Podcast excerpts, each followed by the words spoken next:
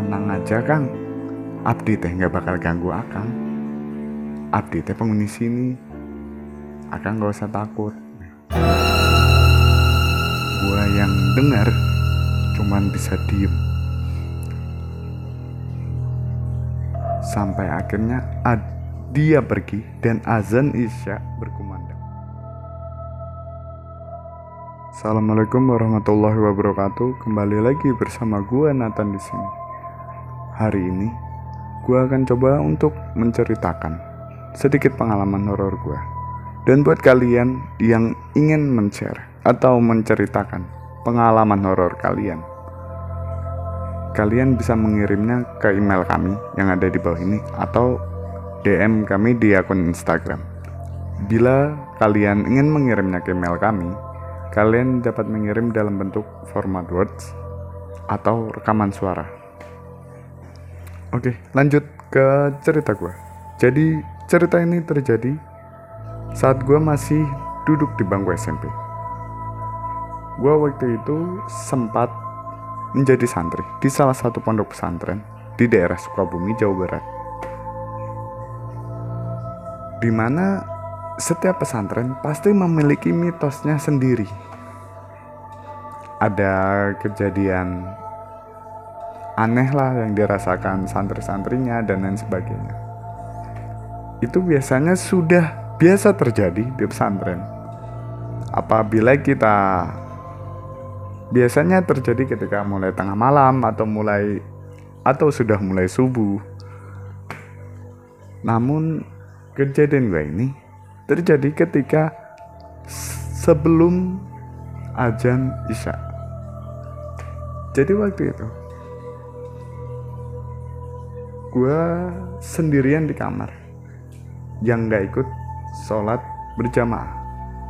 Ya seperti kita tahu, namanya pesantren mewajibkan setiap santrinya yang bisa sholat atau mungkin bagi santriwati yang berhalangan tidak bisa ikut sholat. Di luar itu semuanya wajib untuk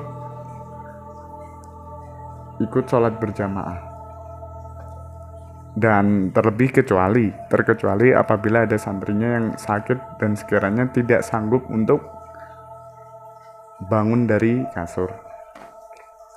Jadi ceritanya waktu itu gue nggak enak badan. Tapi gue bisa untuk berdiri dan berangkat ke masjid. Cuman gue sebagai ya namanya masa-masanya malas gue bilang ke wali asrama gue kalau gue lagi enak badan dan gue nggak bisa untuk lanjutin sholat di masjid ketika gue sudah izin azan maghrib sudah berkumandang gue memutuskan untuk sholat sendiri di kamar. Setelah sholat, gue memutuskan untuk tidur. Dan saat gue tertidur ini, gue merasa mendengar nafas, deru nafas seseorang. Yang mana sebenarnya di kamar ini hanya gue sendiri, gak ada teman gue sama sekali. gue pengen ngomong pengen tanya siapa itu siapa dia yang di kamar gue tapi mulut gue ini kayak kekunci badan gue juga nggak bisa gerak sampai pada akhirnya gue memutuskan untuk membuka mata dan kalian tahu apa yang gue lihat sosok ber berwajah merah dan dagunya runcing. Badannya besar.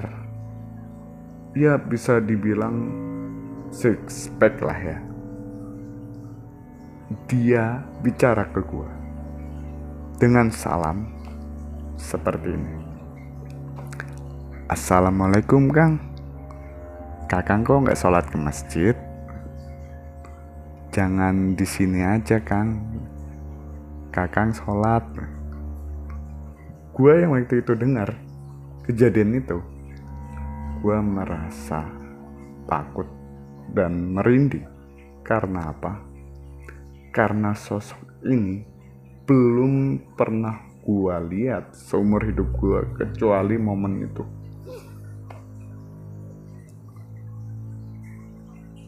Gue cuma bisa diem sampai akhirnya sosok ini ngomong ke gue. Tenang aja Kang, Abdi teh nggak bakal ganggu Akang. Teh penghuni sini. Akang nggak usah takut. Gua yang dengar cuman bisa diem. Sampai akhirnya dia pergi dan azan Isya berkumandang. Setelah selesai sholat Isya, teman-teman gue pulang ke pulang ke asrama. Semua terlihat biasa. Gue keep cerita itu dari teman-teman gue. Gue nggak menceritakan itu sama sekali ke teman-teman kamar gue karena gue takut mereka parno.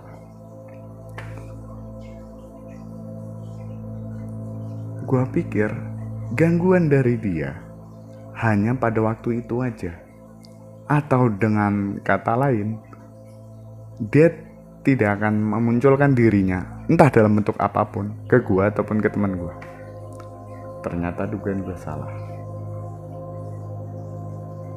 Tepat pagi hari, setelah gue dan teman-teman gue menjalani sholat subuh, ada salah seorang teman gue, sebut aja namanya Arti.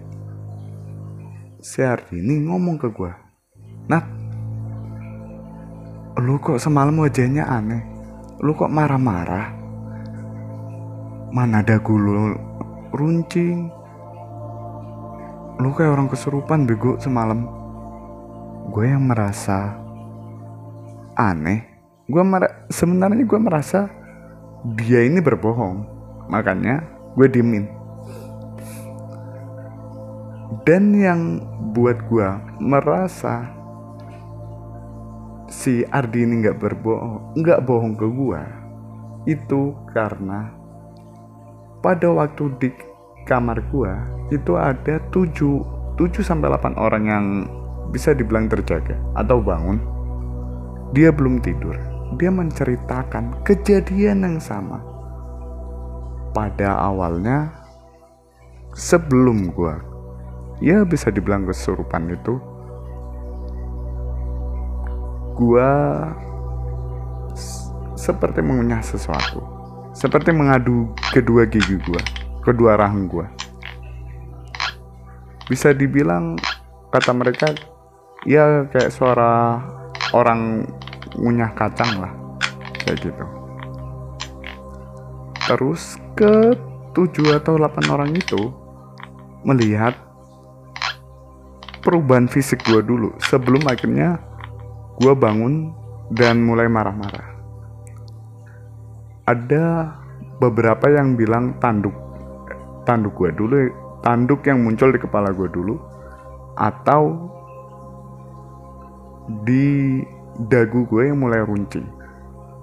Jadi di antara mereka ada yang melihat gue tumbuh tanduk dulu dan ada yang bilang gue dagu gue itu runcing setelah mereka melihat perubahan wujud gue.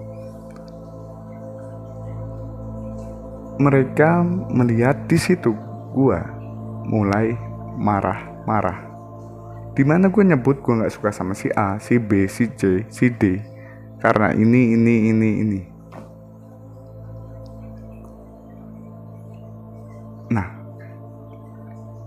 gue itu heran kenapa ucapan mereka sesuai dengan yang gue lihat sosok yang gue lihat sesuai dengan sosok yang gue lihat ini ya ketika gue nggak sholat ke masjid itu. Dan cerita tersebut akhirnya menyebar ke hampir seluruh santri santri laki-laki ya di pesantren gue sampai akhirnya ada ustadz gue yang memutuskan untuk ya bisa dibilang merukyah gue karena takutnya gue menggunakan ilmu atau bahasanya ngilmu ngilmu atau tirakat sesuatu yang aneh-aneh. Tapi dari rukyah itu ya gue nggak kenapa-napa. Eh, ya bisa dibilang gue baik-baik aja. Baik cukup sekian cerita dari gue. Mungkin apabila terbata-bata, gue minta maaf. Atau mungkin ada yang kurang. Atau mungkin ada bahasa yang nyeleneh. Inti dari cerita gue adalah buat kalian apabila kalian ingin tidak diganggu oleh jin bangsa jin maksud gue sebisa mungkin dekatkan diri kalian dengan Tuhan. Karena apa?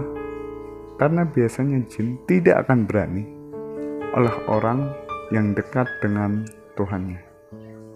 Sekian dan terima kasih. Wassalamualaikum warahmatullahi wabarakatuh.